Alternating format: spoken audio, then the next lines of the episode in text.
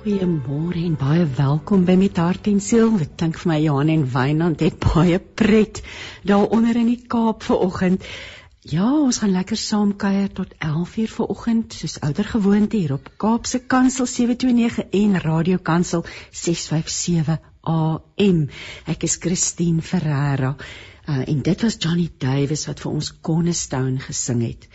Nou vandag um, gesels ek met maatskaplike werker en emo emosionele logika afrigter Annette Laporte en ons gaan gepraat oor die rol van ons emosies en emosionele logika in die daaglikse omgang met onsself en ander. 'n Lekker interessante onderwerp, um, 'n nuwe veld en Annette gaan vir ons baie meer daaroor vertel.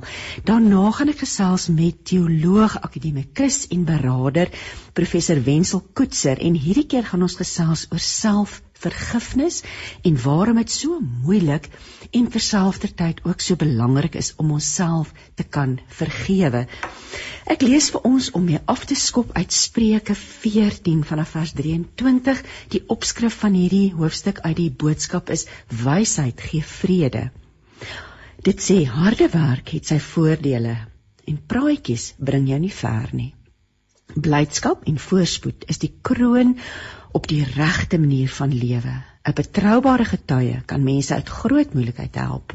'n Liegmond verwoes lewens. Wie die Here liefhet, voel veilig. Selfs sy eie kinders word beskerm.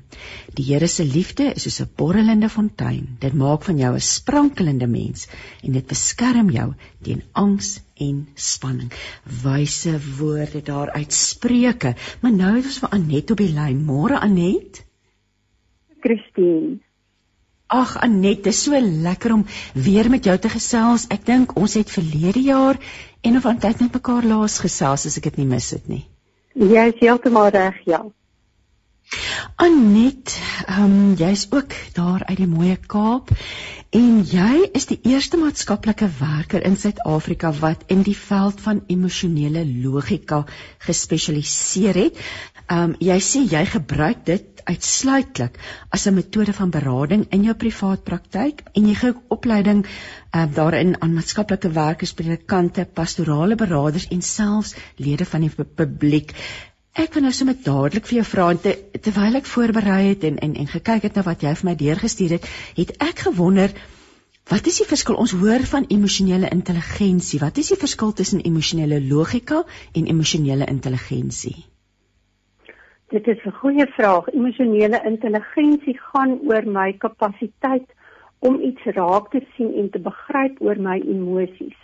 Emosionele logika, hoewel dit nou 'n teenstrydigheid klink, is ja. 'n ja. perfekte kombinasie tussen wat ons gedagtes is wat ons dink oor onsself en 'n situasie en ons waardestelsel en eintlik vertel ons emosies ons van ons waardes.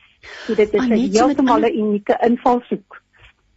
As ek dit nou reg verstaan, is dit soos jy sê unieke invalshoek, hoek maar amper die ideale invalshoek.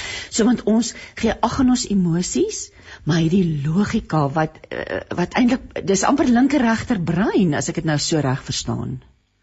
Wat ja, mekaar kom in hierdie in hier. Ja, ons emosies is boodskappers en dit vertel vir ons waaraan ons waarde heg.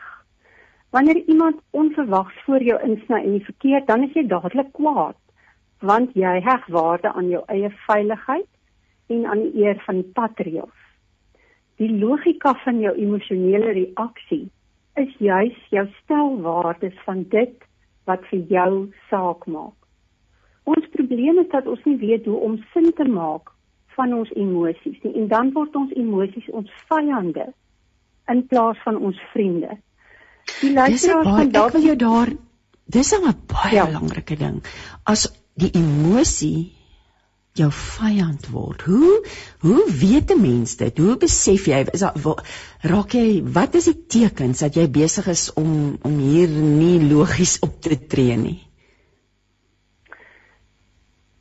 Ek dink die die dilemma is dat wanneer jou selfkritiek jou sterkste stem word, dan is jy op 'n uh, 'n syspoor. So ek dink die luisteraars gaan dalk onthou die era van stadskaarte. Jy kon 'n kaartboek by C&A gekoop het met die straatuitleg van Pretoria en Kaapstad en Bloemfontein en so het jy geweet om jou bestemming te bereik.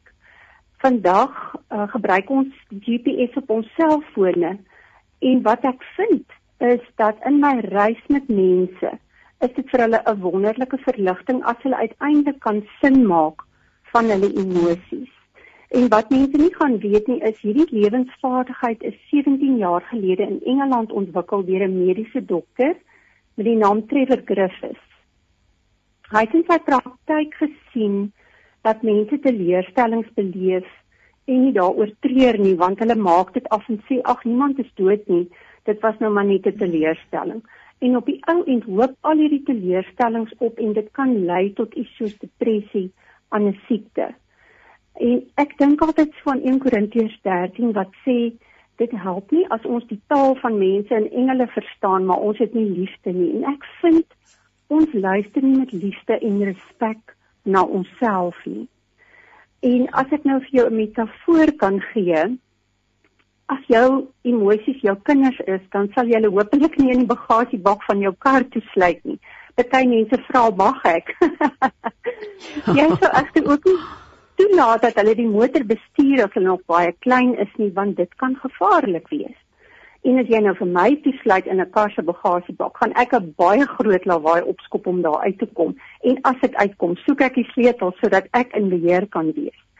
Ons emosies doen presies dieselfde wanneer ons hulle ontken en ignoreer.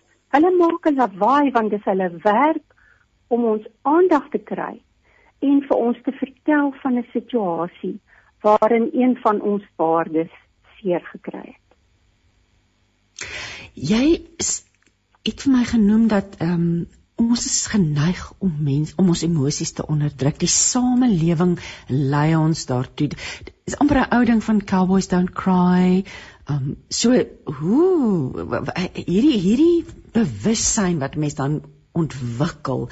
Watse watse rol wat hoe verander dit 'n mens se lewe? Dis 'n baie goeie vraag want ons het nodig om te verstaan wat is die nut van ons emosies. En eerstens moet ons emosies raak sien as 'n geskenk van God. Sonder dit sou ons robotte gewees. So emosies is nie reg of verkeerd, goed of sleg nie. Daar's aangename emosies en dan is daar emosies waarmee ons geneig is om ongemaklik te wees, soos om kwaad te voel of skuldig of depressief. Maar emosies is eintlik energie wat ons beweeg sodat ons oplossings kan vind vir die probleme wat ons in ons verhoudings en ons interaksie met ander mense het. Dis nooit soldaatjies wat netjies in 'n ry marseer nie. Ek kan oor een ding bekommerd wees. Ek kan oor iets anders dankbaar voel. Ek kan oor iets anders skuldig voel of oor 'n insident in 'n verhouding depressief en magteloos voel en dan word dit hierdie warboel wat my verward laat voel. En daarom moet ons leer wat is die nut van ons sewe basiese emosies. So as ek dit nog verduidelik, skok sê. Ja, asseblief. skok sê stop wat jy doen. Vind 'n veilige plek waar jy 'n plan kan maak hoe om die situasie te hanteer. Ontkenning sê bær hierdie insidente bietjie op die rak sodat jy nou eers kan fokus op iets anders wat nou 'n prioriteit is want oor 5 minute stap jy in hierdie vergadering in en dan moet jy daar wees. Die probleem met ontkenning gebeur wanneer dit 'n leefstyl word in plaas van 'n tydelike hanteringsmeganisme. Ek sien dit veral by mediese dokters en verpleegsters met wie ek werk waar dit 'n leefstyl geword het sodat hulle kan aangaan om hulle werk te doen. Woede praat weer oor 'n onreg wat jy beleef het en nooi jou om sonder jy meer uitbarsting of om iemand te boelie 'n oplossing te vind wat die onreg aanspreek. Skuldgevoelens vra: Wat moet ek leer uit my fout sodat ek volgende keer die situasie anders kan hanteer? Probleemoplossing of soos ons sê bargaining is nie 'n emosie nie, maar dis die manier waarop ek my begeerte uitleef wat my waardes gestalte laat kry in hoe ek 'n probleem aanspreek. En dan so belangrik, depressie is 'n gesonde emosionele respons Wanneer ek leeg en magteloos voel, dan leer ek dat ek 'n mens is en dat ek perke het.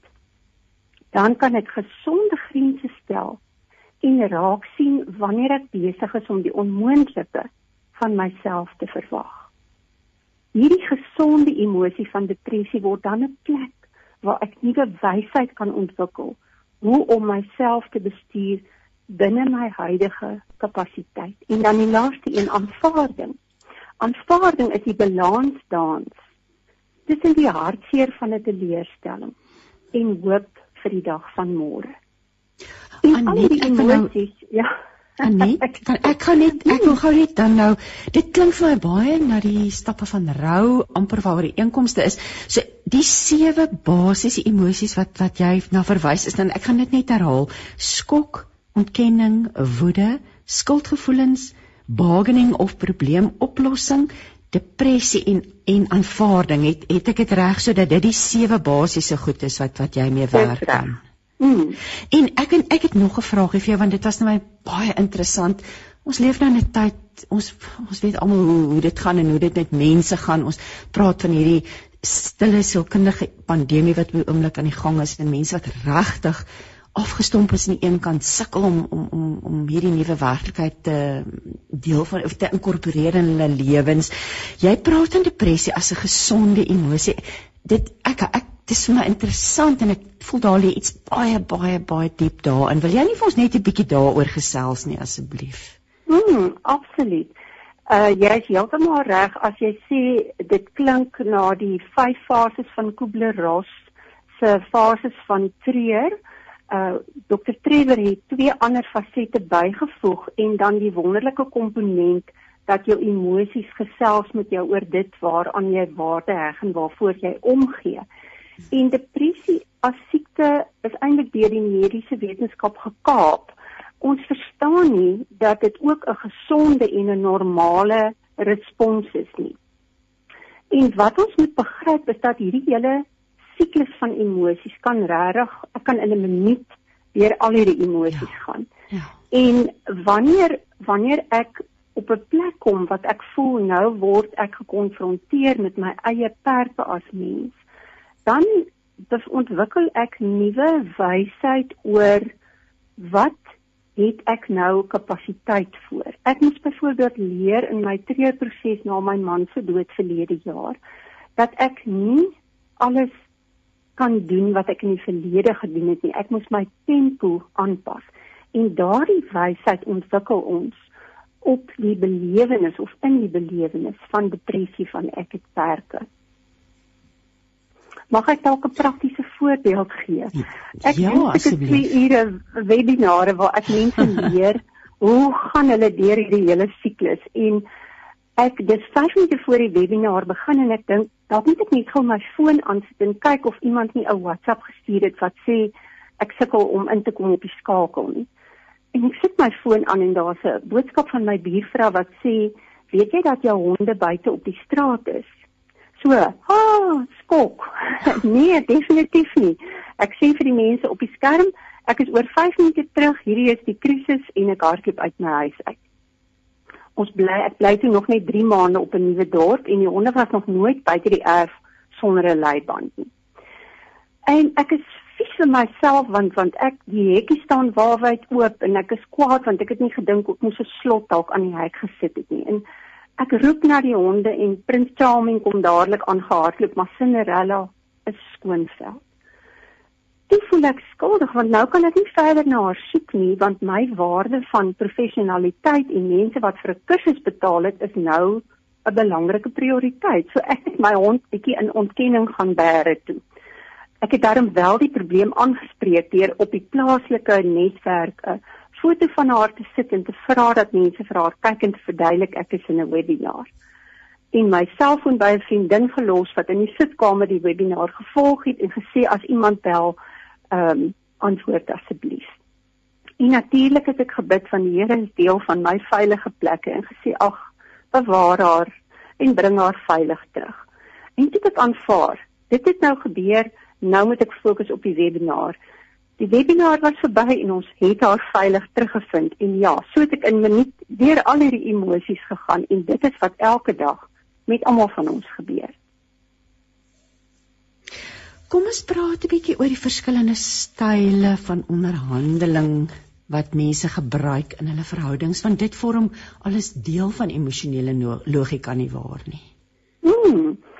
Daar is drie primêre style en as jy nou kyk na die kinders in een gesin dan is daar een wat as daar konflik is, kamer toe gaan hardloop of iewers gaan wegkruip. Ons noem dit die niks doen plan of passief wees. 'n Ander kind sal weer 'n woede uitbarsting hê en sussie of boetie afknou. Dis die baasspeelplan van aggressie. Maar nie een van hierdie twee maniere los konflik op of bied 'n geleentheid vir groei nie. So ons moet nou ons moet bewus word van die patrone in ons emosies en ons styl van wat ons volg in ons verhoudings sodat ons nuwe keuses kan maak. So wat ons soek is 'n wenplan wat my en die ander persoon se behoeftes in ag neem deur selfhandhawing. Jy verwys ook na 'n emosionele maalkolk. Kom ons praat 'n bietjie hieroor. 'n Emosionele maalkolk is die prentjie dink ek wat in mense se kop kan wees is as ons kleintyd in 'n riviertjie of 'n waterstroompie gespeel het en jy het so van klip tot klip gespring. En emosies is so ons kan spring van een klip na die ander een en dan partykeer kan jy ook jouself herskok en dan staan jy maar net gefries daar op hierdie een klip. En soms beleef ons twee teenstrydige emosies, maar ons beleef hulle so intens dat dit is asof hulle in een bol wol saam opgerol geword het en ek kan nie meer onderskei nie. So wanneer ek geskok voel, voel ek depressief en wanneer ek depressief voel, voel ek geskok. En watter opdrag voer jy nou uit want skok sê Stop wat jy doen, vind 'n veilige plek of persoon en maak 'n plan. Depressie sê, "Hmm, wat is my perke en wat is die onmoontlike ding wat ek verwag?" En wanneer mense in die emosionele logika sessie hulle emosies uitpak en identifiseer, dan kan ons aan elkeen van hierdie nuttige doelwitte van die emosie wel uiting gee en mense kan uit so 'n maalkolk uitstap. Kom ons praat oor skuldgevoelens. Ek dink so baie mense dra so swaar daaraan. Hoe want dis ook een van hierdie hierdie ehm um, sewe basiese elemente, ehm um, sewe basiese emosies. Anet, vertel vir ons 'n bietjie meer daaroor asseblief. Ja, weet jy ek as dit mag sal ek graag jou skuldgevoelens vraag wil antwoord binne in die hele konsep van hoe ons gees voel en liggaam saam reageer op 'n situasie. En ek dink wat baie belangrik is vir die luisteraars om te verstaan is jou lyf kan nie vir jou 'n WhatsApp stuur nie. Dit stuur heel eers vir jou 'n fisiese gewaarwording. So as iets skeefloop dan sweet jou handpalms, jou hart klop vinniger, jou bors voel benoud en jy sukkel om asem te kry en daarna kom die emosies. Angstig uit die veld geslaan of ek voel skuldig oor iets wat skeef geloop het. En dan gaan dit juis oor hierdie situasie wat ek beleef en ek wil dan of veg of vlug of vries. Dis amper soos 'n alarm wat afgaan om ons aandag te trek. En ek wil graag vertel van 'n situasie waarin ek baie skuldig gevoel het oor iets wat ek gedoen het Ek het eendag Kaapstad toe gery vir afsprake. En daar was 'n verskriklike storm. En ek kon skaars die wit strepe in die pad sien en ek was so bekommerd dat ek nie veilig gaan wees nie. So in hierdie storm het my hart beslis in my keel geklop van skok. Ek het nie die weelde gehad van ontkenning nie en ek was net so kwaad vir myself dat ek steeds uitsonderings maak en nie net op Zoom werk nie want toe besef ek skielik in my skuldgevoelens ek is nou 'n weduwee. Ek is kwesbaar. Ek is nou die broodwinner en ek het my eintlik blootgestel aan 'n situasie in hierdie storm wat vir my gevaarlik is. En dit het besef, maar ek het 'n nuwe oplossing nodig en skuldgevoelens vra juis wat kan ek leer? Wat kan ek anders doen? En wanneer daar 'n situasie was soos dat iemand gesterf het en jy voel skuldig van het ek alles gedoen wat ek kon? Was daar nie meer om te doen nie? dan is dit belangrik om te vra waarvoor kan ek verantwoordelikheid neem? En aan die einde van die dag kan ek basies net vir myself en my reaksie en my gedrag en my gesindheid verantwoordelikheid neem. So dis 'n realiteit dat goed gaan gebeur waaroor ons skuldig voel en ons dit kan dit nie iets doen om dit te verander nie. Maar as ons 'n prentjie koop en op daardie skuldgevoel en klip uit uitkamp, dan trek ons ons hele lewe skeef want dit slip ons dan in 'n maalkolk van skuldgevoelens en skok in oor hierdie situasie wat skeefloop en jy's reg baie mense beleef dit in die pandemie. Anet, ons ek wil nou gesels oor hoe dit werk in die praktyk. As as jy's iemand jou kom sien, ehm um, ja, hoe werk emosioneel? Hoe leer jy iemand om emosioneel logies te kan wees? Baie goeie vraag. Dit is 'n kinestetiese metode van leer en mense kom sien my nie meer nie. Ek doen al my sessies nou op Zoom. So iemand besluit met watter situasie wil hulle graag werk en dan gebruik ons 'n webwerf waar jy visueel die verskillende emosies uitpak om te sien oor hierdie situasie. Wat is dit wat in jou hart leef? En soos jy dan deur die verskillende emosies sif en dan is daar ook ehm um, 28 uh kleiner fasette van die emosie spesifieke gevoelens soos ek voel miskien geïrriteerd maar nee ek voel nie gevul met haat nie of ek voel miskien ehm um, magteloos maar nee ek voel nie angstig nie.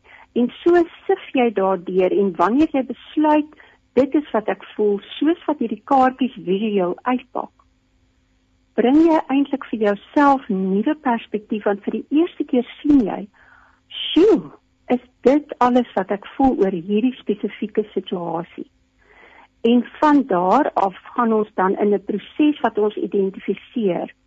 Wat is die waardes wat seer gekry het in hierdie situasie? En ons noem dit en dit is so belangrik want baie mense leef op 'n plek wat hulle glo hulle leef met 'n angstoestand of hulle kry paniekaanvalle. En eintlik is die probleem dat hulle 'n klomp treurwerk oor teleurstellings het wat hulle nog nooit gedoen het nie en om dan name te gee. So wat is dit wat ek mis in hierdie situasie? Kom vir my dan op die voorgrond. Wat is my waardes en wat kan ek doen om een klein dingetjie terug te neem van dit wat skeef geloop het? En ons eindig dan 'n sessie met wat ons noem 'n slim plan. En dit gee vir mense 'n belewenis van ek kan iets doen om weer momentum in my lewe terug te kry. Kom, ek wil nou vir jou vra die kom mense na jou toe met as hulle o ja, hoekom kom mense na jou toe? Wat wat wat beleef jy in die praktyk? Wat is die behoeftes? ja, ja, dit is ook dit is 'n goeie vraag. Ek het die voorreg om die maatskaplike werkers van Badisa in, in Kaapstad, hulle word na my verwys wanneer ehm um, hulle 'n trauma beleef en dan werk ek ook baie met mense wat in 'n treurproses is en sommer net 'n lewenskrisis beleef. So dit kan letterlik enige iets wees. Die meeste mense wat 'n leef met depressie as siekte bevind hulle self emosioneel in 'n maalkolk met partykeer meer as 2 of 3 emosies en hulle vind geweldig daarbey baat om eintlik nuwe respek te ontwikkel vir hulle emosies en kry dan ook nuwe hanteringsmeganismes. So ek wil vir jou eintlik sê alle probleme onder die son. Ek werk glad nie met kinders nie, ek werk met volwassenes en ek vind dat die meeste mense een spesifieke probleem is en dit het hulle het geen benul van hulle emosies nie. Hulle het nie 'n manier om dit te ontsyfer of te verstaan of te leer respekteer nie. En dis presies wat gebeur in die sessies van emosionele logika. As daar kom nuwe selfrespek en daar kom nuwe bedagsaamheid teenoor jouself. Ons het nou 'n luisteraar wat wat op die lyn is. Woesie, ehm um, Charlene, is Charlene op die lyn? Ja, ek is baie dankie. Môre Charlene, welkom hier by met hart en siel. Ek uh, jy het vir ons geskakel. Waarmee kan ons help? Ja, baie dankie dat jy my opsoek. Ek waardeer dit opreg. Jammer, ek mag ek ook die vraag in Engels vra. Um dis baie keer net vir my makliker. Um om myself uit te druk as dit reg is. Baie dankie. Baie dankie vir die um sessie vanoggend. Dit is um regtig baie interessant. Ek het net 'n vraag um wat daar omgaan in terme van die um uh as ek nog in Engels gaan as dit reg is. Um with regards to the framework that is applied, um it is mentioned that it was designed by a guy about 17 years ago. Um, and then the law, when I listened now, was the practical way that uh, someone is helped in terms of identifying the emotions and then giving them a work plan around that. What I'm interested in is where and how the scripture is brought in. So, because everything that I heard now as well was how the person identifies their uh, feelings and then how the person then works through it and then how they can do that. But what I'm not hearing is what God is saying about the problem. Because, you know, scripture is all sufficient. Um, and and that has been with God's word. It's been around forever. So mm. why do we rely on man-made philosophies to add to the Bible? Um, because what does God say about the problem, and then what does God say to do about the problem? Because if you look at Jeremiah 17 verse 9, the heart is deceitful um, and is desperately sick, and who can understand it? So we will always fool ourselves because that's our heart are inclined. We are sinful as people but and our emotions can't drive us. That's what God says. We could be parenting, whatever it is, and there's always verses to go to um, where God makes us what He wants. If we look to God and who He is, if we look to Christ and what He did for us, um, that is the place to start. So I'm very interested to understand why that doesn't come in as the central um, driving force when helping people. Myself, I've had things to deal with, and throughout life, if you can only, it's only through God's grace and through saying what He says about a, a problem that one can actually address it. Annie, wil jy vir ons luister? Ja, baie asseblief. Ja, dankie. Dit is 'n baie goeie opmerking. Deel van die werk wat dit nou nie tyd is om te bespreek vandag nie, is dat 'n mens identifiseer wat is jou veilige plekke en met wie kan jy in vennootskap gaan om jou probleme aan te spreek en ek werk met mense met verskillende spiritualiteit. Natuurlik is daar soos vir myself God as 'n veilige plek en die wonderlike voorreg van die Heilige Gees as inspraak.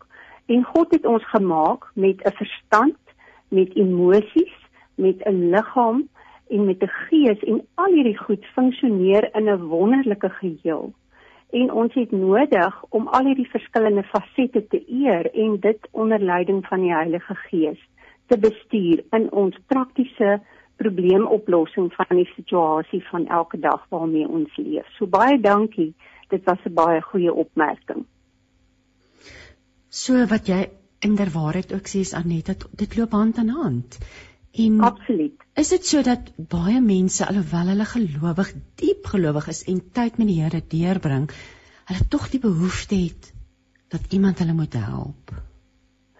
En om na geluister te word en ek dink dis ook hier om te leer om dan ook na jouself te luister en jouself te leer versorg.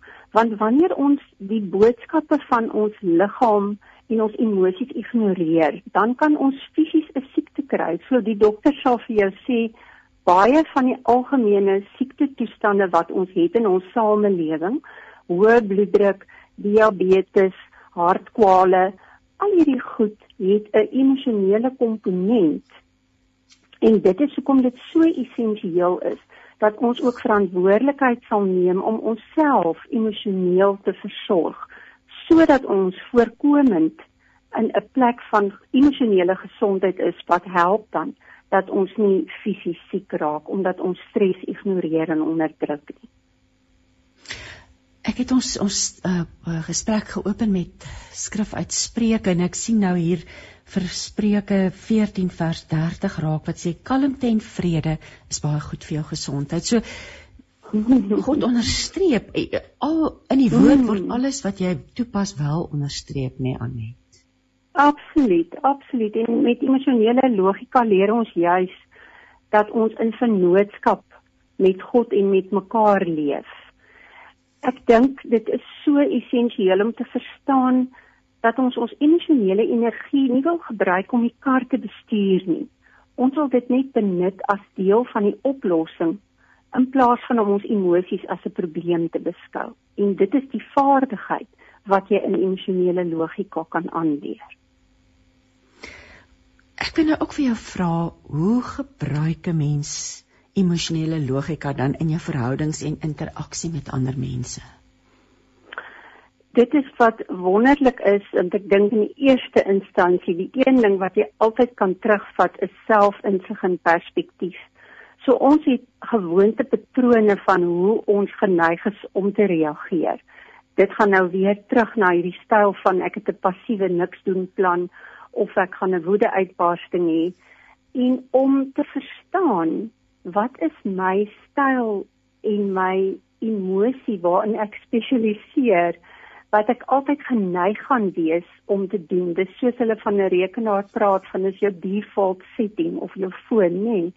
en so het ons mense dieselfde patrone en wanneer ons hierdie insig het dat wanneer iets skeefloop ek byvoorbeeld geneig sou wees om dadelik skuldig te voel en dan besluit ek sommer net ag ek moet nou maar net myself afskryf want dis altyd my skuld en dis altyd ek wat die probleem het en dan bevraagteken jy jouself so dat jy jou stroop van die selfvertroue om die situasie effektief te kan hanteer.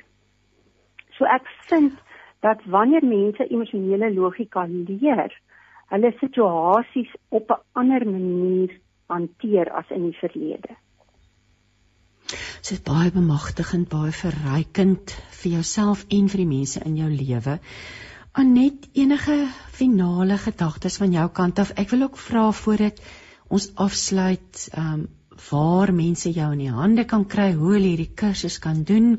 Ehm um, ja, hoe lank dit duur? Bietjie meer detail daaroor ook asseblief.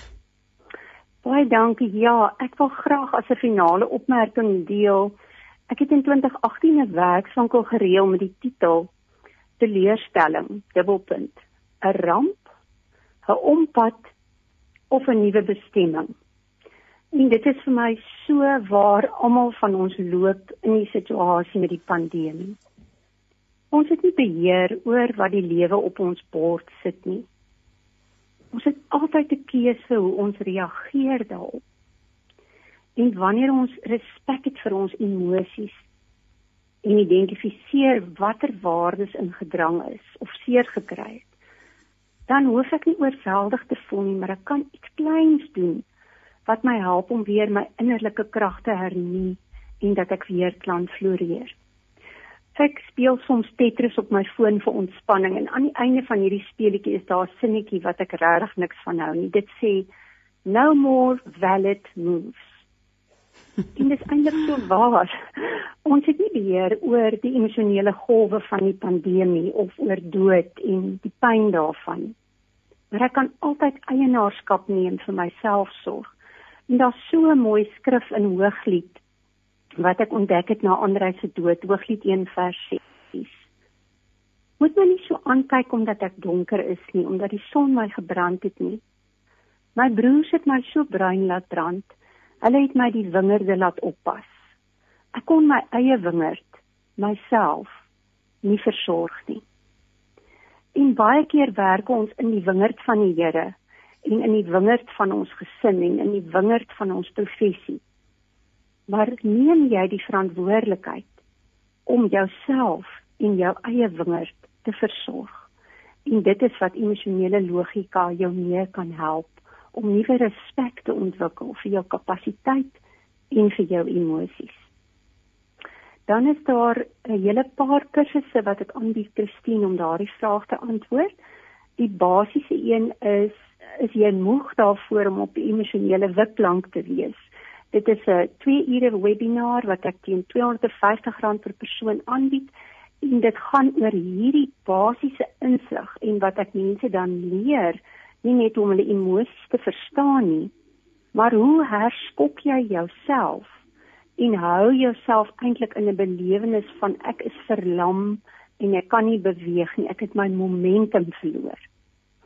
En dan doen ek ook individuele sessies en ek bied dan opleiding aan 'n dagopleiding met praktyksessies na dit vir mense wat emosionele logika self wil leer om te gebruik in hulle saamstap met ander mense en dit is ook kursusse wat toeganklik is vir die publiek wat net vir verstaan van myself en selfverryking dit wil doen as 'n groei geleentheid. Al die inligting is op my webwerf. Dit is www.growwithanet .co.za. So daar's baie wis en baie tis.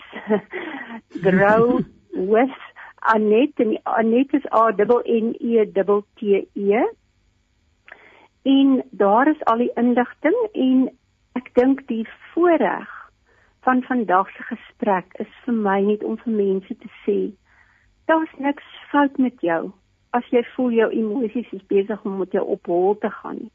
Hulle probeer net jou aandag trek. Die vraag is watter waarde het seer gekry? En wat kan ek doen om dit weer te herstel? Hm. Kan mense vir jou 'n e-pos stuur of is al die inligting op die webwerf? Nee, hulle is baie welkom om 'n e-pos te stuur. E-posadres klink min of meer dieselfde. Dit is anet a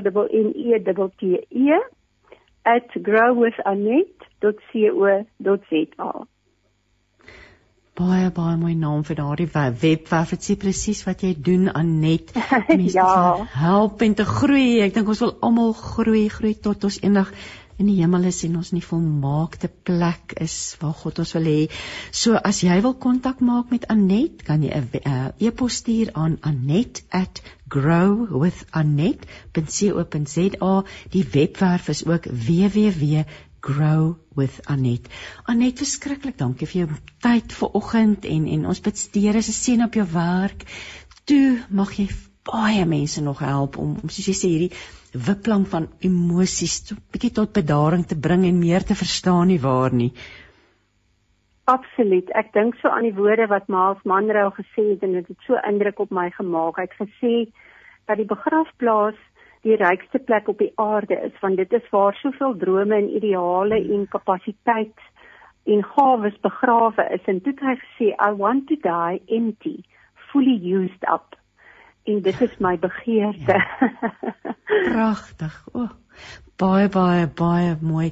Baie seën vir jou Anet en deel ons passie vir die lewe op 657 Radio Kansel en 729 Kaapse Kansel. Jy luister dan met hart en siel. Anetjie vra, is die program met Anet op podcast. Ehm um, Annetjie, die program sal later in die week gelaai wees op Radio Kansel se webwerf, so jy kan gerus weer daarna gaan luister. En voordat ek nou met Provensel gesels, wil ek vir ons net 'n klein stukkie verder lees uit Spreuke en dit sê wie na lewenswysheid luister, is deel van die gelowiges. Dis nie gelowiges sal hy altyd tuis voel. Wie wysheid verwerp, gooi sy geluk weg. En wie na goeie raad luister, verstaan die lewe soveel beter. Liefde vir die Here lei tot groter kennis van die lewe. Ek het nou vir Prof Wensel Koetser, 'n teoloog, akademikus, beraader op die lyn en ons gaan gesels oor selfvergifnis. Môre Prof. Goeiemôre, hoe gaan dit daar met jou? Dit gaan goed met my. Baie dankie en net soveel beter om met jou weer te kan gesels vir oggend. Provensel, ons het laas gepraat oor seën, die seën wat misgeloop is. En daar is 'n tweede boek op wat deur jou uitgegee is um, onlangs met die tema selfvergifnis, belangrike onderwerpe. Ek wil vir jou vra, kom ons spring sommer weg. Wat leer die woord ons oor selfvergifnis? Ja, ag Christine, baie dankie. Groot voorreg om weer uh, betrokke te kan wees. Weet jy, uh, ek dink daar's twee twee uh aspekte wat duidelik in die skrif na vore kom wat ons hier moet in gedagte hou. Uh as ons bloot die woordjie selfvergifnis gaan soek, dan gaan ons hom nie so presies kry nie. Maar as ons eerstens dink aan aan Jesus se groot opdrag, jy moet jou naaste lief hê soos jouself. Uh met ander woorde, soos wat jy jouself liefhet uh jy mag dus nie jouself verag, verkleineer of sleg sê nie.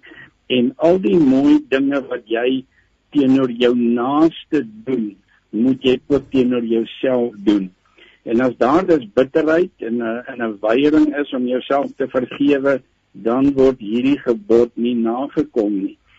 En ek dink hierop belangrik, uh, die ouens praat uh, in die literatuur dikwels van die self-talk die binnespraak, daai gesprek waarmee elke van ons elke dag baie lank tye met onsself besig is. En uh waar ons dikwels foute begaan uh, uh, veral wanneer jy 'n oortreding begaan het en jy is vies vir jouself en jy neem jouself kwaadlik daai daai gesprek met jouself is dan soms baie hard en jy's jy's hard op jouself. En hiermee saam die konsep van die inner child uh in die literatuur word dit was ook daarna verwys waar mens baie seer gekry het soms ook as kind daai binnekind die inner child wat seer gekry het as gevolg van harde woorde deur ander mense maar ook harde woorde deur jouself en en as jy mens nou vir jou jouself indink as jy by 'n vriend of 'n vriendin staan jy wil nou in 'n kar klim uh julle was by 'n restaurant en da, en sy sluit haar sleutels binne in die kar toe. En nou begin sy haarself verwyd en en voel ontsettend skuldig en maak verskonings en dan probeer jy haar troos en sê dit het met my ook al gebeur. Ons is almal net menslik. Moenie moenie jouself so kwaadlik neem nie.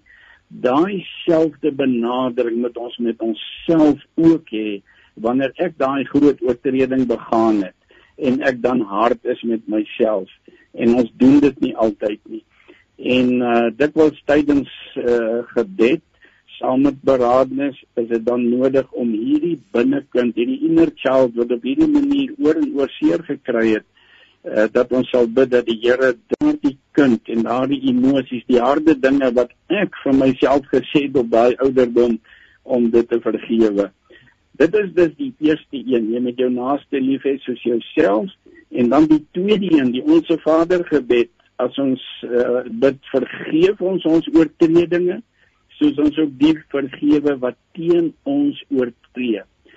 En as ek dikwels vir myself harde dinge gesê het en lelike dinge en afbreekende dinge, bloot 'n uh, ding soos jou simpel. Uh ek is kwaad vir myself, ek het 'n fout gemaak dan moet ek myself ook kan vergewe want dan staan ek in die groepie van mense wat lelike dinge vir my gesê het en ek was een van hulle. En daarom as ons hulle vergewe, moet ons bereid wees om onsself ook te vergewe. Ek wil sê in kort, hierdie twee is twee belangrike skriftuurlike beginsels. Ons sal bietjie later as ons uh, na die modelle kyk, bietjie kyk na voorbeelde uit Paulus Judas en Petrus se lewens hoe hulle hulle self moes vergewe. Party kon dit regkry en 'n ou soos Judas kon dit nie regkry nie. Ons het nou sommer 'n klare luisteraar wat sê, "Joh, sy sukkel om haar man te vergewe." Um ja, so daar daar ja, dit ons praat vandag eintlik oor selfvergifnis meer as die vergifnis van ander. Kom ons kyk 'n bietjie jy is dit drie definierings uit een vir vir die leser in jou boek. Kan jy vir ons hierdie hierdie drie definierings van selfvergifnis um um bietjie omskryf asseblief prof? Ja, ja, net 'n opmerkingie oor daardie luisteraars se uh, se kwessie om 'n man te vergewe. Soos ons deur hierdie gesprek gaan, die ding die kwessie van vergifnis en selfvergifnis hy is baie vervleg met mekaar en ek vertrou dat die Here vir haar ook antwoorde gaan gee vir daai vraag. Maar goed, die definiering, ek dink dis vir al drie aspekte. Die eerste een, selfvergifnis impliseer die afstanddoening van negatiewe emosies gerig teen dieself. So as ek bereid is om iemand anders te, te vergewe, is ek bereid om alle bitterheid en wrok prys te gee en nou geld dieselfde reël ook vir myself uh daai daai bitterheid wat ek teenoor myself gehad het omdat ek 'n fout begaan het. Die tweede uh aspek van hierdie definisies, selfvergifnis impliseer die kweek van positiewe emosies gerig op jouself. En hier hier gaan dit nou oor aspekte soos om medelee met jouself te kan hê, empatie, goedhartigheid en liefde En nou dink ons weer in 'n voorbeeld as jy met 'n uh, 16-jarige seun of 'n meisie in berading sou sit en hulle kom om hulp te vra want hulle worstel, hulle kan hulle self nie vergewe oor 'n groot oortreding, kom ons sê 'n seksuele oortreding. En nou die manier hoe jy met daai seun of meisie gaan praat. Uh nou moet ek myself indink. Ek verwyd myself dalk oor 'n oortreding toe ek 16 was en ek kan myself nie vergewe nie. En nou soos wat ek met hierdie seun of meisie sou gepraat het moet ek met myself kan praat. En dis hierdie kweek van positiewe emosies gerig op jouself. En dan die derde een selfvergifnis impliseer 'n evaluering van verantwoordelikheid. Wanneer ons onsself blameer is dit dikwels omdat ons 'n baie hoë standaard vir onsself gestel het en ons kon nie daai standaard bereik nie. En dit wat gebeur het was dalk baie vernederend en ek het probeer om dit oor die jare uit my geheue uit te blok. En nou impliseer selfvergifnis eerstens ons moet daai deksel aanval. Ons gaan volle verantwoordelikheid aanvaar vir dit wat gebeur het maar daarna dit bely teenoor die Here en sy vergifnis omhels. En wat hier baie belangrik is wat ek oor die jare in die praktyk gesien het, baie mense sukkel om hierdie stap te neem as gevolg van daai trauma, daai gebeurtenis, dit wat gebeur het, was baie traumaties en dat groot emosionele verwonding dalk plaasgevind. En daai trauma, daai skok het vasgesteek en soos wat ons hierdie persoon begelei, ons by die gebedsessie kom, sal ons baie spesifiek moet moet in gebed fokus op die trauma wat vasgesteek het en die Here vra om die trauma uit te kanselleer, die emosionele verwonding te te genees en baie keer help dit hierdie persoon daarna, dan kan hulle begin om hulle self te vergewe. Baie belangrike aspek. So ons kan om dan saam te vat sê om 'n lewe van selfvergifnis te leef impliseer dat jy voortaan jou tekortkominge, jou neerlaag, sowel as jou sterkpunte en jou oorwinning sal omhels en realisties wees daaroor en dit alles in die Here se hand gee. Dit dis nie 'n maklike proses nie, nê, en en en ek is seker jy kan daarvan getuig met jy stap so pad met so baie mense. Jy verwys ook in jou boek na die die probleemareas, hoekom en waarom dit so moeilik is om onsself te vergewe. Ja, nee, hierdie is beslis nie nie 'n maklike pad nie. Dit is 'n lang en moeisame proses waar heelwat selfondersoek nodig is en wat soms vir ons baie ongemaklik kan wees veral as ons die eerste keer die die deksels begin afhaal en en in baie gevalle het ons dan maar hulp nodig. Nou as ons kyk na so 'n paar uh, uh, areas wat wat dit soms baie moeilik maak. Die ouens praat van die ware selfvergifnis teenoor 'n valse tipe, 'n pseudo selfvergifnis. En die ouens wat vir hierdie valse opsie gaan, is die ouens wat dit wel 'n kort pad soek, juis omdat hierdie proses pynlik is. Uh en en as ons byvoorbeeld dink aan die narcistiese persoonlikheid die ou uh, vir hom gaan dit alles net om homself vir hom gaan dit baie moeilik wees om erkenning te gee aan emosies so skuld en skaamte. Uh wat dikwels waarmee ons dikwels worstel as gevolg van van dinge waar ons oortree. Hierdie persoon gaan dit moeilik regter om selfvergifnis toe te pas want want ons moet onsself oopstel vir emosies soos hierdie. So dan kan ons sê ware vergifnis vereis 'n groot mate van innerlike sterkte. En die versoeking kan altyd wees om vir hierdie valse opsie te gaan wat 'n kort pad is wat jy nie deur al hierdie pyn hoef te gaan en dit so in die oë hoef te kyk en en aan dit 'n naam te gee nie. Uh so dit is die eerste punt. Ja, dan hiermee saam iemand wat nou baie geskryf het Worthington Everett Worthington hy beklemtoon dat daar veral twee tipe selfvergifnis. Die een waar jy die rasionele besluit neem. Jy jy besluit voortaan gaan jy jouself met respek behandel, dieselfde respek wat jy vir ander mense gee. So dis die rasionele besluit. Die tweede tipe selfvergifnis waar dit om 'n emosionele besluit gaan. Dit neem al die die verbitterde emosies. Uh, op 'n emosionele vlak dit moet nou vervang word met positiewe emosies. En hierdie emosionele een hy is gewoonlik die moeiliker een.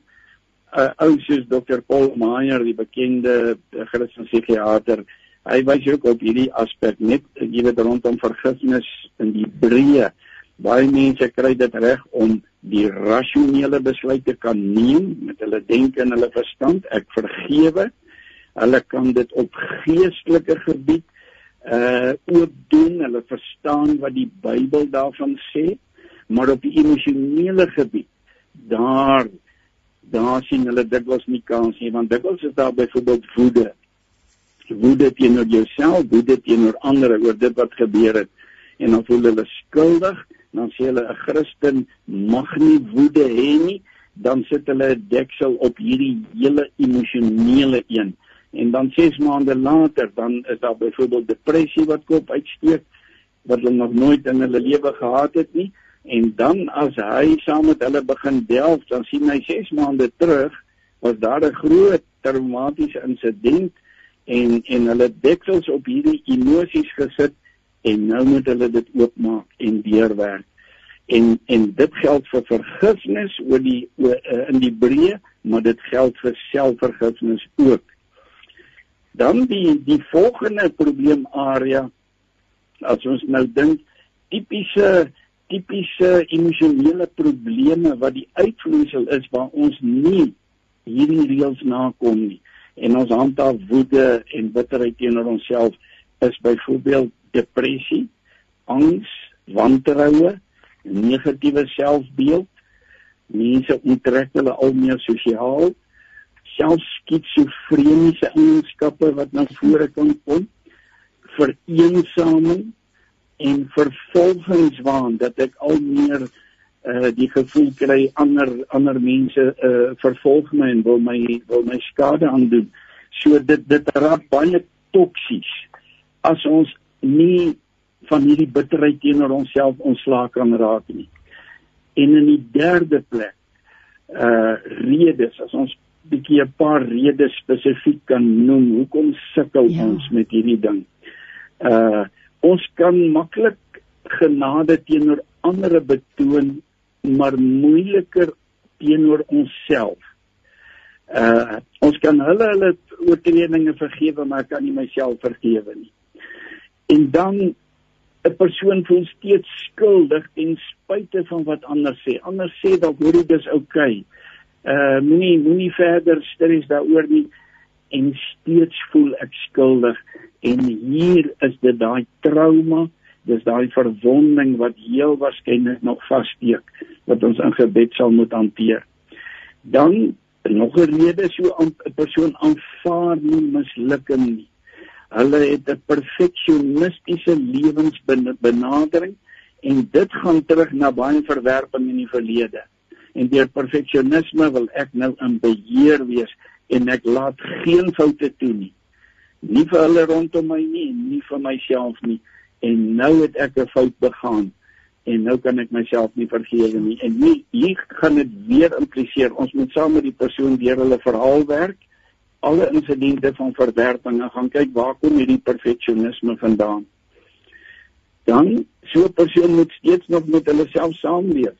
Ons kan nie van die verlede ontsnap nie. En dis weer die onverwerkte trauma en die verwerping jou telkens herinner. Dan dan soms 'n gevoel van magteloosheid. Ek as ek kon betaal om dit wat gebeur het te verander, dan sou ek betaal het, maar eh, maar ek kan nie met geld dit verander nie. En hier moet ons besef slegs die Heilige Gees kan heling bring, diep innerlike genesing. Nog 'n moontlike rede, ek wil dalk myself straf oor dit wat gebeur het. En dit kry mens nogal met uh, seksuele oortredinge, byvoorbeeld jong mense wat hulle self sny dis hierdie selfe hierdie selfe boodskap. Soos een een gesê het my liggaam het my verraai my in die steek gelaat en daarom wil ek my liggaam straf en daarom sny ek my liggaam. Of ek kan weier om myself te vergewe op daai manier straf ek myself. En dit sê alles sulke persone het hulp nodig. Dan die persoon voel dalk hulle is nie vergifnis waardig nie Hulle kan nie glo dat God of enige iemand anders hulle kan vergewe nie. En dit is weer die mag van die leuen. Hulle dikwels die leuen gehoor in die verlede van hulle sleg, hulle is nie goed genoeg nie, hulle die leuen begin glo en ons moet hulle help om daai leuen uit te kanselleer. En nog 'n faktor omdat jy so dikwels in hierdie selftolk, hierdie binnespraak oor en oor met jouself deur dit gaan. Dit wat gebeur het is dit eintlik 'n hertraumatisering. Oor en oor gaan jy deur daai trauma, hy hou nooit op nie. En dan dan kan ons begin praat van gekompliseerde trauma en so 'n persoon het ook hulp nodig. Hulle kan nie meer op hulle eie uit hierdie bose ding uitbreek nie. Dan 'n tweede laaste eenetjie, so 'n persoon weier soms om ander te vergewe. As ek nie dit kan regkry om ander te vergewe nie, gaan ek moeilik myself kan vergewe en dan moet ons hulle help op daai punt. En die laaste enetjie, soms weet hulle nie hoe om hulle self te vergewe nie. En dan moet ons hulle ook help stap vir stap. Dit kom van die goedjies waar ons vanoggend gesels gaan ons dan met hulle punt vir punt weer werk. Ja, dis 'n komplekse situasie en ah, klink vir my dit vra vir baie harde werk en die, en jy moet dit graag wil. Jy moet bewus ja. hoe hoe weet ons dan dat dat ja, as, as hierdie goed waarin ons lewe is, dan kan ons moontlik terugvat na die die onwilligheid of die on, on of die of die on, dat ons nie in staat is om om onsself te vergewe nie. Jy jy daar seker 'n probleem areas areas daar's blokkades, hindernisse. Kom ons praat 'n bietjie daaroor. Ja, weet jy? Uh Kom ek net sien. Ehm uh, Ja, die die probleemareas en die hindernisse, dit het ons nou pas deur gegaan. Maar miskien moet ons moet ons nou 'n uh, bietjie fokus op uh, een van hierdie modelle wat prakties ja. stap vir stap mooi dit nogal mooi uitspel uh in in die boek wat ek gepubliseer het, bespreek ek nou verskillende modelle. Sommige van hulle is baie baie detailed, baie stappe in en onderafdelings, maar ek wil dat ons veral na Dr. David Stoop se model kyk. Uh hy is baie prakties. Hy is iemand wat uh klompe jare voltyds in die bediening was en toe hy uh gekwalifiseer as sielkundige, sy PhD gedoen en 'n klomp trefferboeke geskryf. Uh hy in leiding sê hy byvoorbeeld dat ons almal se belewenis van ons ouers tydens ons kinderjare is deurslaggewend oor hoe ons oor onsself voel, ons ons eie waarde en hoe hulle ons gesien het en alles wat hulle van ons gesê het is onwillekeurig gewoonlik ook hoe ek na myself kyk. En as daar baie pyn en seer plaasgevind het in my verhouding met hulle en ons kan byvoorbeeld miskien ander belangrike autoriteitsfigure, selfs uh, geestelike leiers, onderwysers en ons sou van hierdie mense steeds haat en 'n bitterheid teenoor hulle hê oor dit wat gebeur het in die verlede. Sê hy dit in die praktyk gevind is die kans baie sterk dat ons ook onsself kan haat en onsself moeilik kan vergewe vir oortredinge. En daarom sê hy dan moet ons altyd begin om eers terug te gaan en hulle te gaan vergewe wat teenoor ons oortree want dit dit was 'n belangrike blokkade en as hy die pad is dan dan gaan ons vorder om onsself te vergewe. En dan gee hy nou so so ses praktiese stappe. Eerstens sê hy erken die pyn En dis wat ons vroeër ook gesê het, haal daai deksel af. Soms het jy vir jare lank deksels op hierdie goed gehad en neem verantwoordelikheid vir dit wat jou verantwoordelikheid was in die situasie. Waak teen valse skuldgevoelens. Moenie verantwoordelikheid neem vir vir dinge wat nie jou verantwoordelikheid is nie. En hierdie dinge, as jy die deksels afgehaal het, moet jy dit erken, jy moet dit hardop in woorde sê dan stap 2. Hy sê heel dikwels gaan daar 'n rouproses wees. En alle emosies moet geïdentifiseer word en soms sal jy moet rou oor onrealistiese ideale en drome van die verlede. Daar kon kinderjare gewees het wat beroof is deur seksuele trauma. Uh wat ook al die verliese was, dan moet gerou word. Nommer 3, dan moet uitdrukking aan gevoelens gegee word. En hier sou woede byvoorbeeld sterk na vore kon kom.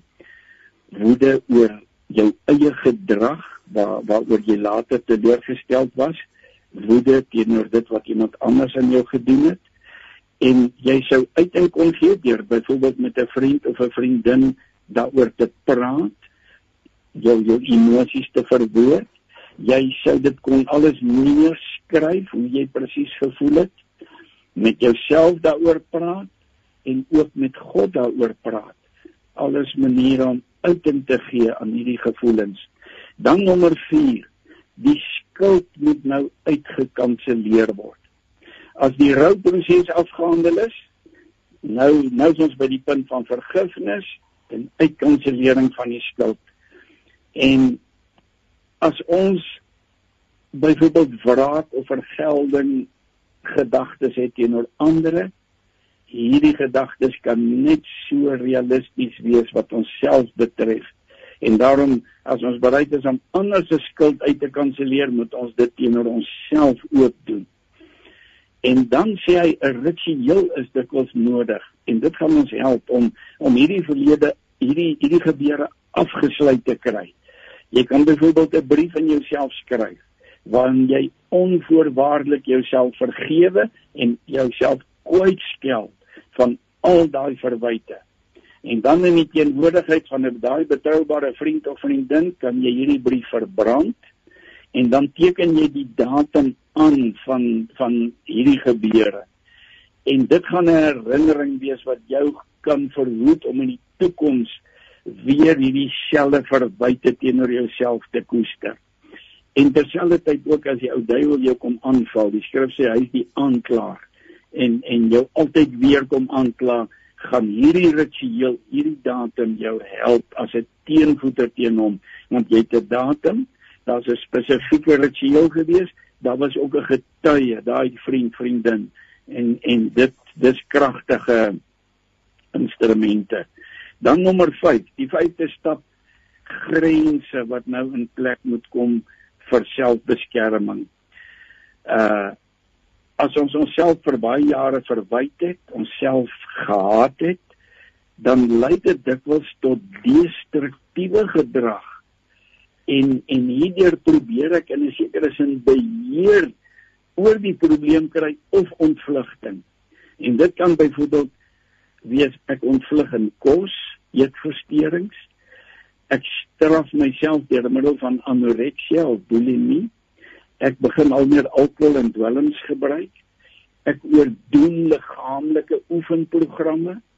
of ek raak betrokke in ongesonde onaanvaarbare en gevaarlike seksuele gedrag en dit alles kan uiteindelik verslawend raak. En nou moet ek hulp kry om myself teen myself te beskerm want hierdie goed kan vir my oor die afgrond vat want dit het alle grense oorskry. En daarom sê ons nuwe grense is nou is nou uh nodig. En 'n belangrike ding wat hy hier noem is dat baie ouens stoei om hierdie stap te kan neem omdat hulle nooit selfvergifnis gedemonstreer gesien het in hulle ouerhuise nie. Vir alles hulle in 'n in 'n stuk in 'n huis groot geword het. Uh luister wat sê hierdie een ouetjie se naam is Ralph. Hy sê hoe hard ek ook al probeer het, niks was ooit genoeg goed. Dit was ooit goed genoeg vir my pa nie. Selfs al sou ek aan hom sê hoe jammer ek was en dat ek volgende keer harder sal probeer, Weet jy wat het hy dan aan my gesê? Doen dit reg hierdie keer. Nie volgende keer nie. Hy sê I never knew what it was like to have a mistake or a weakness tolerated, let alone accepted or forgiven. En daarom iemand soos Ralph en almal wat wat hierdie ervarings gehad het, gaan dit baie moeilik vind om hulle self te vergewe uh, en en partykeer moeilik om ook ander te vergewe want hulle het nie 'n rolmodel gehad nie. En daarom ja, kom ons sê en aansluitend hierby, dit was ook die idee dat inherent is daar iets verkeerd met my. En alles wat met my gebeur het, ek het dit verdien. En dis alles leuns en ons moet saam met hulle deur hulle verhaal werk om dit uit te kanselleer. En dan die laaste enetjie wat hy noem streef na versoening met ander. As ek in die proses dalk ook ander mense seer gemaak het, dan moet ek nou soos wat ek heling ervaar begin werk aan aan versoening met daai mense so ver moontlik. En baie interessant dan wys hy op die voorbeelde van Petrus en Judas en Paulus As ons dink aan Judas, hy het Jesus verloon. Hy het hom oorgegee dat hy doodgemaak kan word. Petrus het hom verloon. En Petrus se oortreding was in 'n sekere sin net so erg as Judas se. En dan dink ons verder aan Paulus wat Christene laat doodmaak het. Uh en al drie hierdie mans moes self by 'n punt van selfvergifnis kom om met hulle lewens te kon aangaan. Maar ons weet Judas Judas kon nie by daai punt kom nie.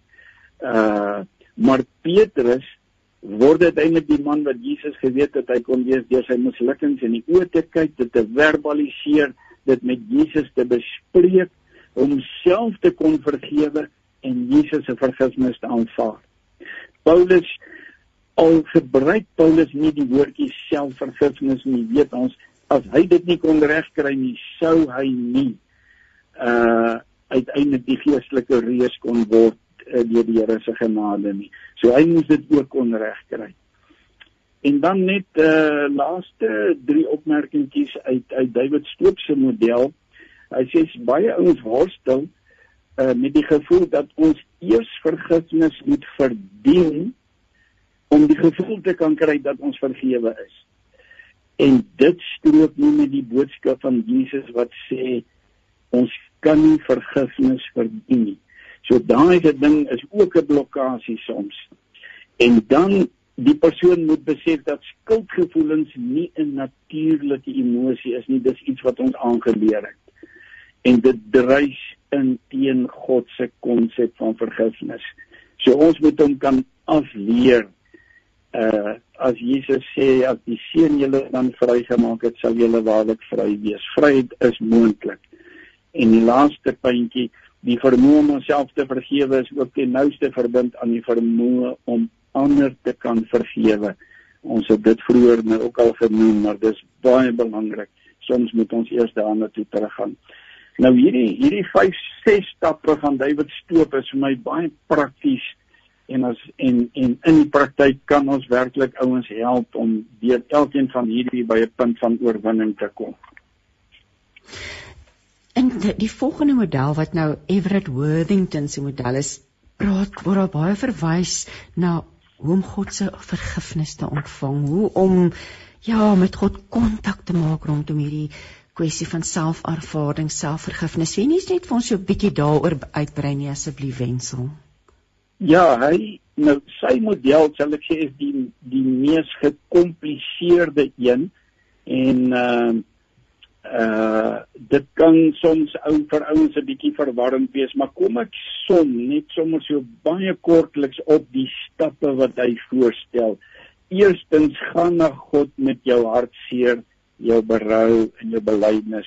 Nou dit het ons gesien by by steep op uh eerste stap erken, herken, maak oop die deksels. Dan tweedens ook weer neem verantwoordelikheid wanneer wanneer mense baie seer gekry het, is dit 'n normale reaksie om te ontken en te ontvlug want dit help jou tydelik om te oorleef.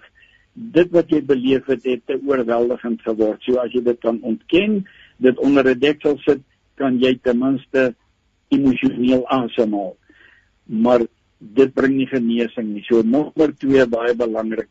Neem verantwoordelikheid. Erken maak oop die deksels. Dan nommer 3, ook fokus op die herstel van verhoudings. In hierdie in die langs hierdie pad wat ons almal gekom het, is daar altyd iemand anders wat ook seer gekry het. Dat dat's verhoudings wat skade gelei het en al hierdie ouens beklemtoon dit eers in hulle hulle onderskeie modelle. Nou moet ons begin werk op die verhoudings wat seer gekry het. En dan nommer herstel die skade deur middel van verantwoordelike empatie. Hierdie hierdie kwessie van empatie word ook deur almal beklemtoon. As ek nie empatie met ander het nie, gaan ek moeilik aan vergewe.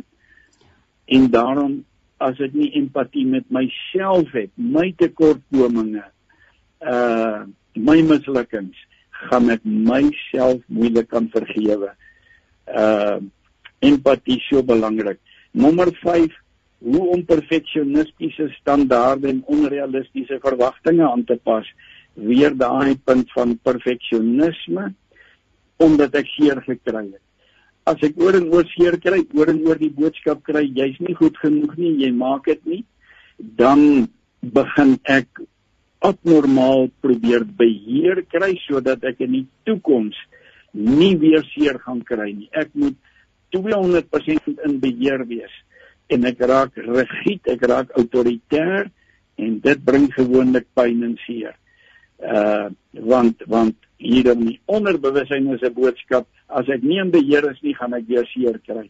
En dis hierdie hiperperfeksionistiese standaarde en onrealistiese verwagtinge van ander en van myself. Nou moet ons dit deurwerk. Nommer 6 handel finaal af met top met pyns en selfpyniging. As hierdie ding oor jare kom, het ons ure en ure in hierdie hierdie binnespraak, hierdie selftolk oor en oor deur hierdie prosesse gaan oor en oor onsself gestraf en onsself gepynig en nou moet ons by die punt kom waar ons sê dit stop nou. Dit stop nou, ons maak daai deur toe. Nommer 7 bereik die punt van emosionele selfvergifnis en dis daai daai puntjie wat ons vroeër genoem het, daar's die rasionele besluit, maar nou ook op 'n diep emosionele vlak, daar waar die emosies en die gevoelens hier gekry het. Nou moet ons op daai vlak in beweeg. En en hier het ons gewoonlik maar ook hulp nodig. Nommer 8 dan dan gee hy so 'n paar praktiese stappe hoe om by hierdie emosionele vergifnis te arriveer. En ehm uh, nommer 9 neem die besluit om voortaan 'n seën vir ander te wees. Dit is baie pragtig as ons met die hulp van die Heilige Gees deur hierdie heling kan gaan. Dis dis uh, dan se doel daarmee. Dis nie maar net dat ek 'n beter mens kan wees nie, maar dit wat die Here vir my gedoen het uh dit moet nou 'n stroom word wat uitvloei na ander. Dit moet 'n getuienis wees om om nou tot seën te wees vir ander. So in, in kort is dit Worthington se se voorstelle. Prof, hier's nou 'n luisteraar Sophie wat sê goeiemôre. Ek wil net vreeslik baie dankie sê vir hierdie gesprekke oor vergifnis en oor emosies. Dit is regtig iets waaroor Christene min praat en dan voel ons as Christene soos mislukkings, mislukkings. Dankie baie. Nou voel ek daarom ook nie dat ek nou, ekskuus, tot ek dit weer lees. Dankie baie. Nou voel ek daarom ook dat ek nie alleen is nie. Ja, daar sy raak iets baie belangrik hier aan. Dan voel ons as Christene soos mislukkings as ja, kom ons gesels oor oor Sophie se se aanmerking. Ja, weet jy dis so waar. Dis so waar wat sy sê. Uh ons het in uh, een van ons kursusse module wat ons noem toksiese godsdiens. En deel van toksiese godsdiens is 'n is 'n klomp standaarde reëls en een daarvan is jy moet altyd op standaard wees as jy misluk het, as jy worstel met depressie, as jy worstel met onverwerkte pyn en trauma uit die verlede, is dit 'n aanduiding van swak kristendom en en swak geloof. Daar dit kan selfs aandui op valse bekeringsfondamente. Dit is tipies toksiese godsdiens en daarom daarom voel mense soms so bang om te praat hieroor want ek is so bang mense gaan dink ek is 'n swak Christen. En weet jy ons ons leer ons studente in in trauma berading uh waar mense deur groot trauma gegaan het, dan dan sak frases soos hierdie soveel te meer op hulle toe en hulle voel uh hulle het God misluk, hulle het ander Christene misluk. En dan sê ons vir hulle jy vra vir daai persoon, hoe beleef jy God op hierdie oomblik? Voel God ver of voel hy naby? En dit wil sê iemand sê nee God voel ver want ek voel ek het misluk. En en dan dan moet ons hulle help dat hulle kan praat dat hulle dit kan verbaliseer en vir hulle help om 'n realistiese prentjie te kry. Niemand van ons is op daai uh hoe uh hoe kan mense sê abnormale hoe super Christen vlak nie. Ons almal worstel. En en en en as ons daai standaard voorhou van van super Christene weet jy dan niemand kan dit ooit bereik nie. Na raad mense moedeloos maar hulle het nie die moed om dit vir jou te sê nie. En baie ouens begin dan selfs met depressie te worstel. Dis die dieper oorsaak van sommige se depressie in die kerk want want daar's nie 'n openlikheid en 'n eerlikheid nie. Jy het nou vir ons die modelle bespreek so oorsigtelik. En dan kom jy in jou boek by die faktore wat dan hierdie proses kan bevorder. So ons weet nou daar's 'n proses, maar wat wat is die dinge wat dit kan bevorder? Wat ons kan wat dit kan aanhelp? Ehm um, ja, laat dit kan gebeur. Ja, ja, dis so belangrik. Die eerste een wat ek bo in die lys sou sit, hantering van onverwerkte trauma, krisisse en verliese. Ons het al so 'n bietjie uh bietjie geraak daaraan uh as hierdie bagasie nie afgelaai is nie kan dit 'n drastiese radikale invloed uitoefen op die proses wat ek myself kan vergewe. Want soos ek vroeër gesê het soms steek trauma vas en omdat hy vassteek kan die persoon nie oor hierdie hekkie gaan nie. Nou faktore wat byvoorbeeld hier 'n rol kan kan speel soos ehm uh, is daar 'n ondersteuningsstruktuur of is daar geen ondersteuning nie? Voel hierdie persoon dat hy of sy totaal alleen staan? En mense het dit al vir my gesê, skoolkinders het dit al vir my gesê.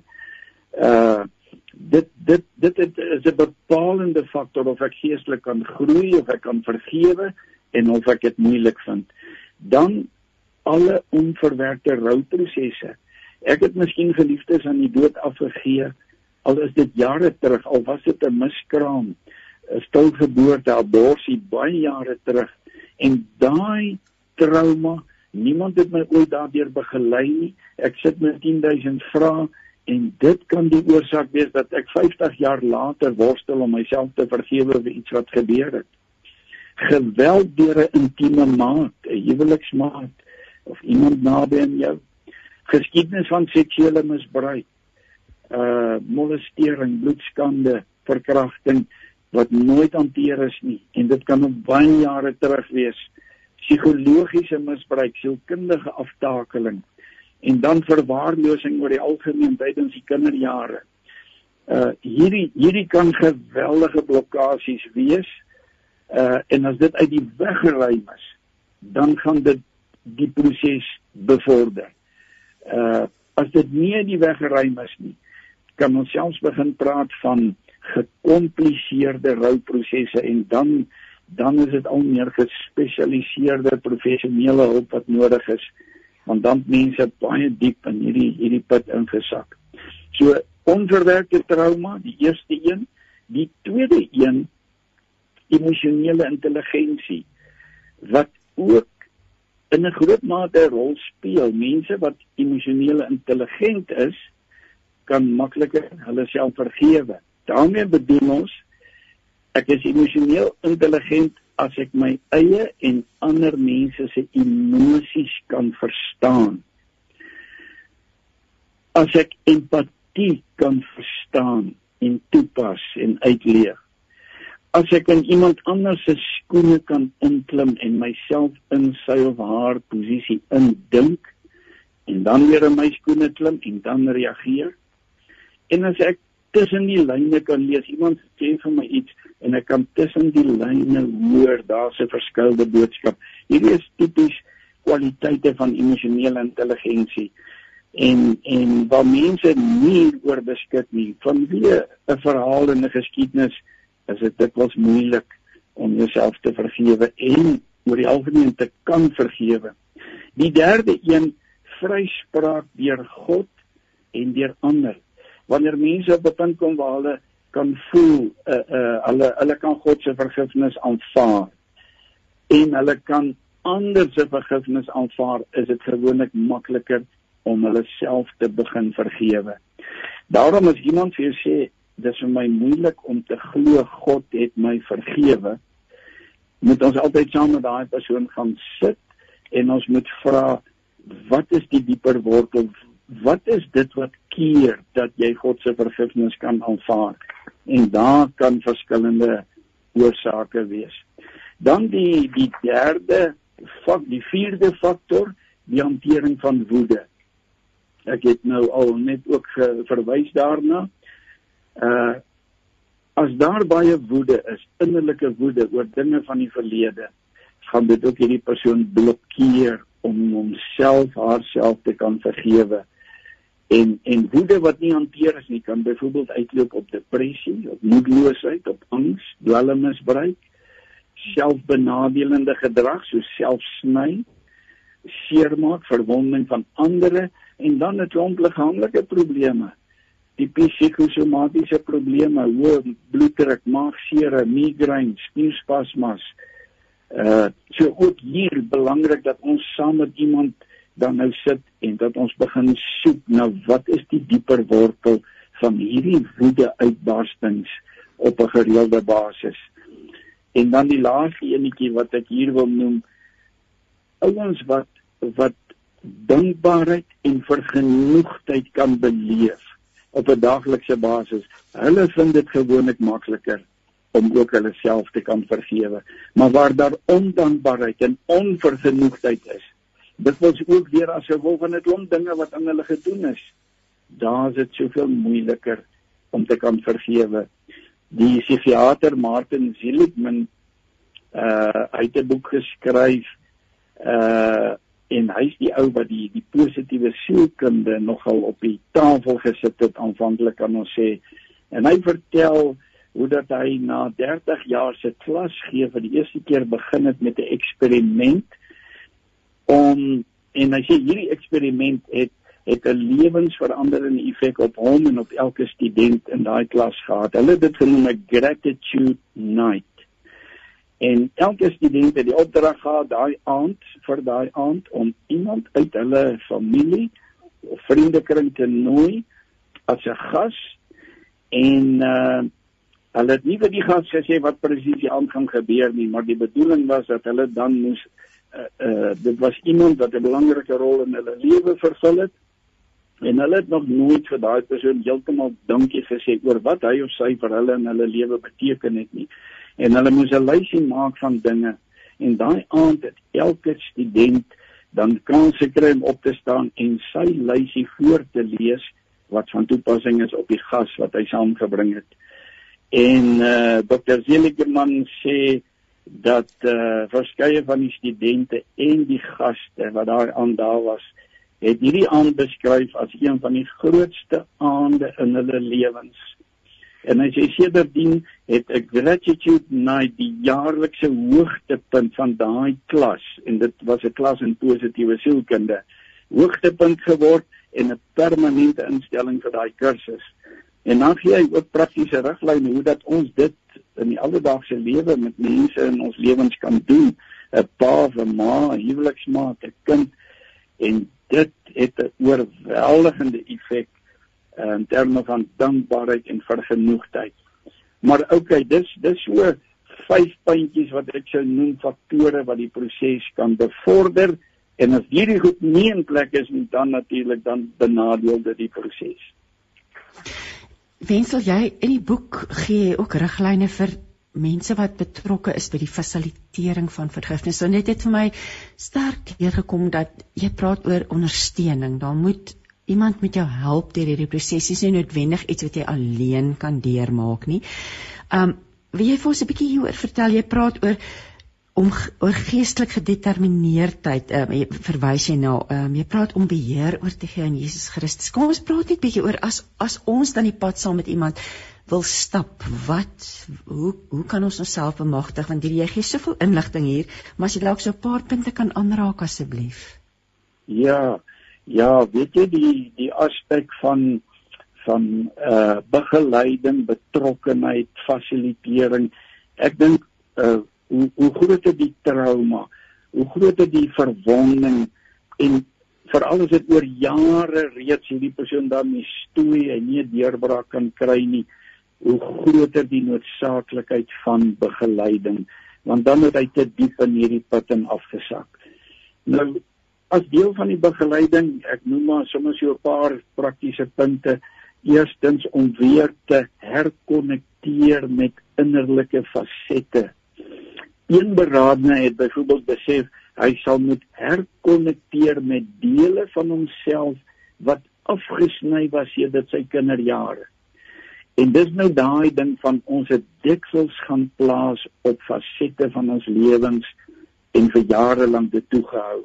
En hier is ook weer daai inner child of sommige praat van the child within uh waar diep innerlike emosionele genesing nodig is. En en baie keer in trauma is dit as ware asof 'n sekere deel van jou emosies gevries het deur die trauma en die ander fasette van jou menswees het ontwikkeling ontwikkel tot die ouderdom waar jy nou is, maar daai dele het gevries.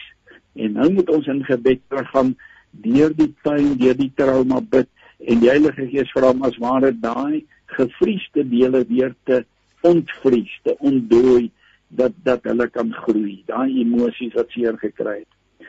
Dan die tweede een om beheer oor te gee aan Jesus Christus nog iemand anders vertel byvoorbeeld hoe dat sy tydens 'n genesingsnaweek, 'n healing retreat uh binne die die konteks van gebedsterapie, daar het sy vir Jesus Christus gevra om die kamer in haar denke te betree wat toegesluit was en wat sy ervaar het dat al die dinge gestoor was waarvoor sy haarself nie kon kon vergewe oor, oor baie jare nie. Jesus gevra om saam met haar in daai donker kamertjie in te gaan. En soos wat Jesus in daai kamer inbeweeg het, het sy ervaar sy sy lig verdryf die donkerte en skielik sien sy maar die kamer is leeg. En tot haar verrassing word dit gevul met sy goddelike teenwoordigheid. En in die proses ervaar sy dat sy totaal vergewe is deur hom en dat sy uiteindelik haarself ten volle kon vergewe. So oor te gee aan sy beheer. Nommer 3, die waarde van skryf en en sekere kunsvorme. Byvoorbeeld uh, 'n daaglikse joernaal hou. Vir baie ouens was daar 'n groot stuk terapie of die opstel van 'n lys in kronologiese volgorde van al die ervarings, negatief en positief oor jare heen. Sommige praat ook van 'n emosionele tydlyn of 'n trauma geskiedenis wat jy opstel en en om dit neer te skryf daar is al 'n stuk heling in dan die skryf van 'n brief aan daai persoon of aan jouself as dit aan iemand anders is is nie 'n brief wat jy gaan pos nie maar deur om alles neer te skryf bring genesing. En dan verskillende forme van kunswerk. Ag party ouens maak uit klei sekere voorwerpe of stel 'n collage saam en en en daar's nou baie daaroor geskryf. Dit alles kan gebruik word om gevoelens gedagtes emosies op 'n manier te verwoord het sy met betrekking tot daai ander persoon wat jou verontreg het of teenoor jouself. Dan die vierde een 'n herbesoek aan die verlede. En dit is nou daar die kinderjare daar waar ons dit wel skade gelei het. Uh daar kon byvoorbeeld ideale wees wat uiteindelik weens omstandighede nooit gerealiseer het nie. Ek het ander verwyd, ek het myself verwyd.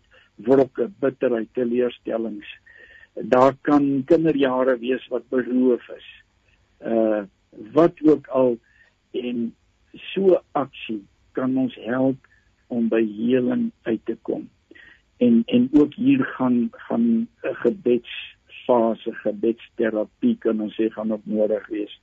Dan die volgende een, gebruikmaking van beelde tesame met die leesstoel tegniek.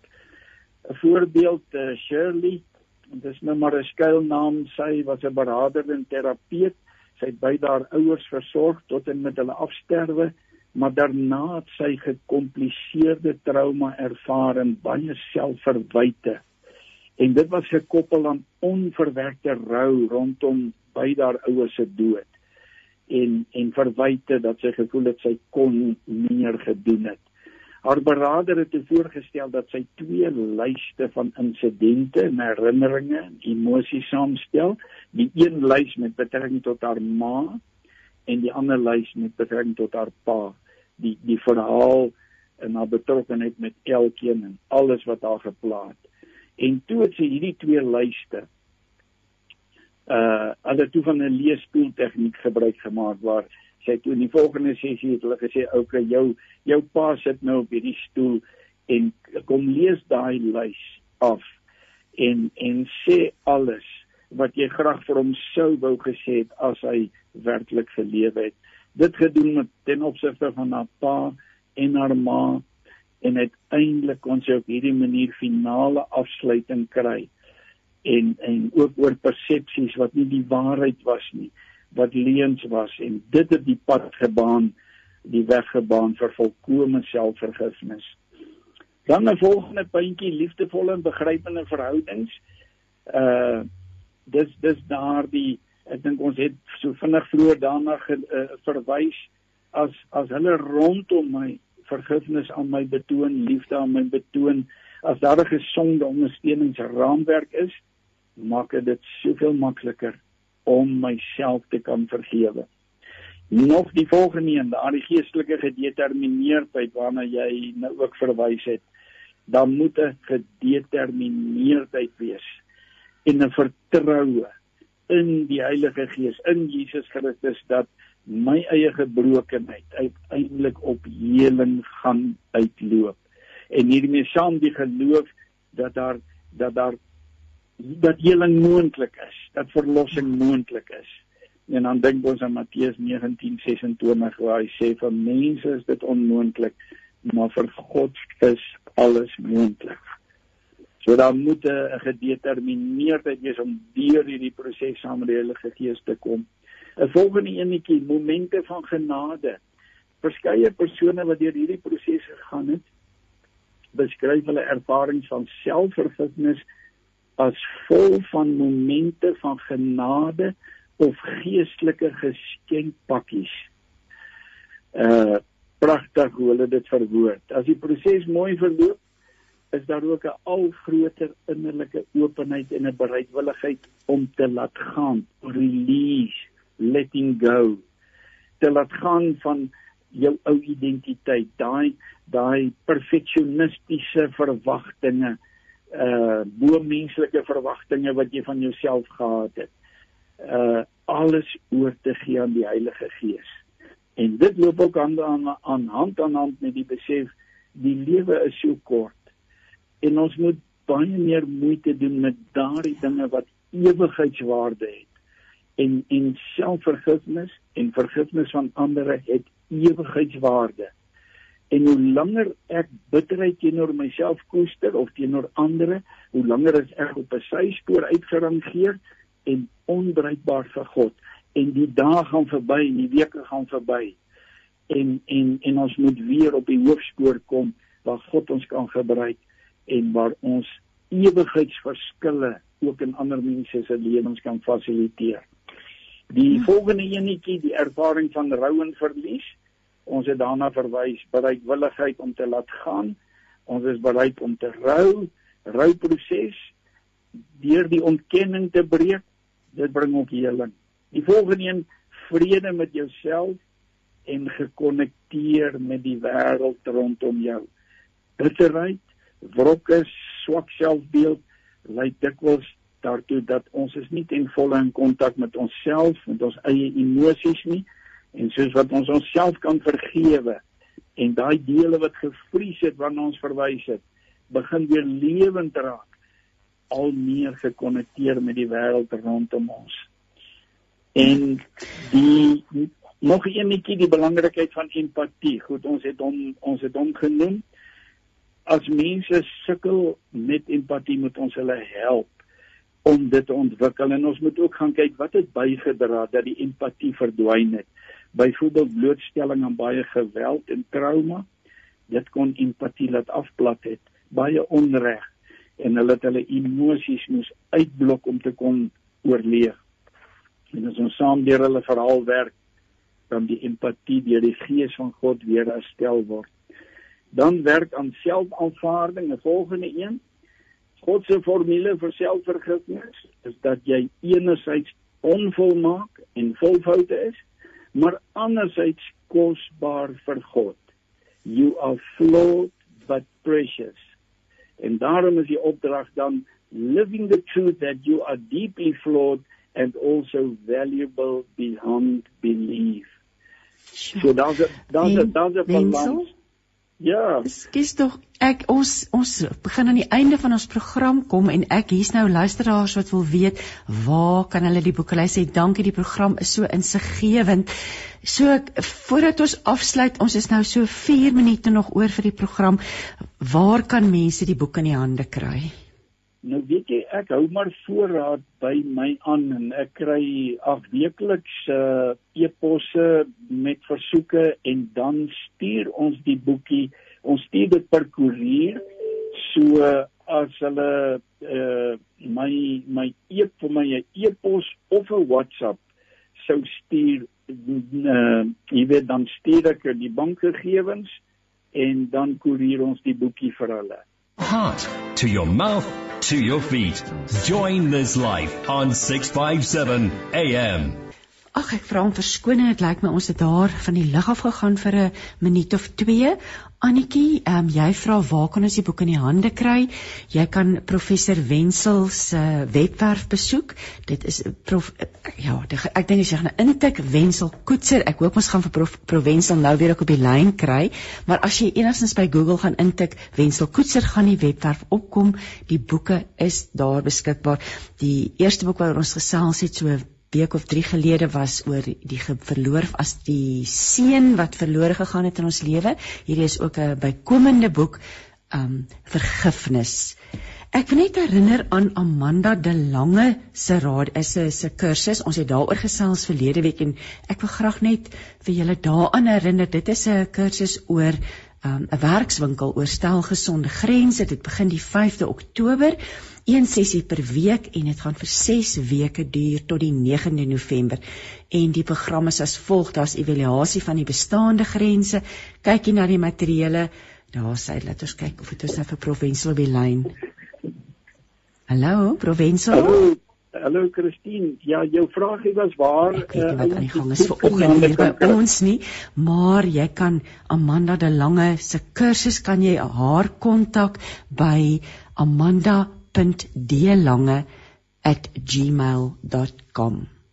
Ek wil dankie sê vir Woesie Leo vir sy tegniese bystand. Ek vra hom verskoning dat ons ja, dit klink vir my uh, Provensial is op die lyn.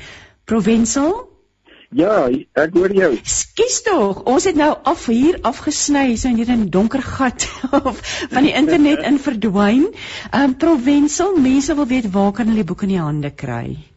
OK, ek gee my e-posadres wensel w e n t z e l c c vir koetser wensel c @gmail.com. As hulle vir my 'n e-pos stuur, dan stuur ek die bankgegewens en dan koerier ons die boek na hulle. Maar ek dink ek moet my selnommer ook gee want soos jy weet ek stoei met my e-posse. En die WhatsApp is ook nog veiliger uh, 083 66 00409 083 66 00409 Daar sê baie baie dankie en Annetjie ek hoop dit beantwoord nou jou vraag. Jy kan 'n e-pos stuur aan wenselkoetser@gmail.com andersins 0836600409. Provensel, ons het ongelukkig nie tyd vir 'n gebed nie. Ons gaan moet afsluit. Ek vra om verskoning dat die dat ons verdwyn net so vir hierdie kort rukkie, maar baie baie dankie vir hierdie insiggewende gesprek. Um, Ek dink ons kan almal, meeste van ons daarby groot baat vind en ons wens die Here se seën toe op jou werk en alles wat jy mee besig was is en ek sien uit dat ons weer een van die dae gaan gesels. 'n Groot voorreg en baie seën ook met die mooi werk waarmee jy besig is. Dankie Wensel. Liewe luisteraar, seën vir jou tot volgende week. Ehm, mag die Here met jou wees en en mag hy sy teenwoordigheid elke oomblik van die dag um ervaar en ja, veilig en gekoester voel. Tot volgende week dan. Totsiens.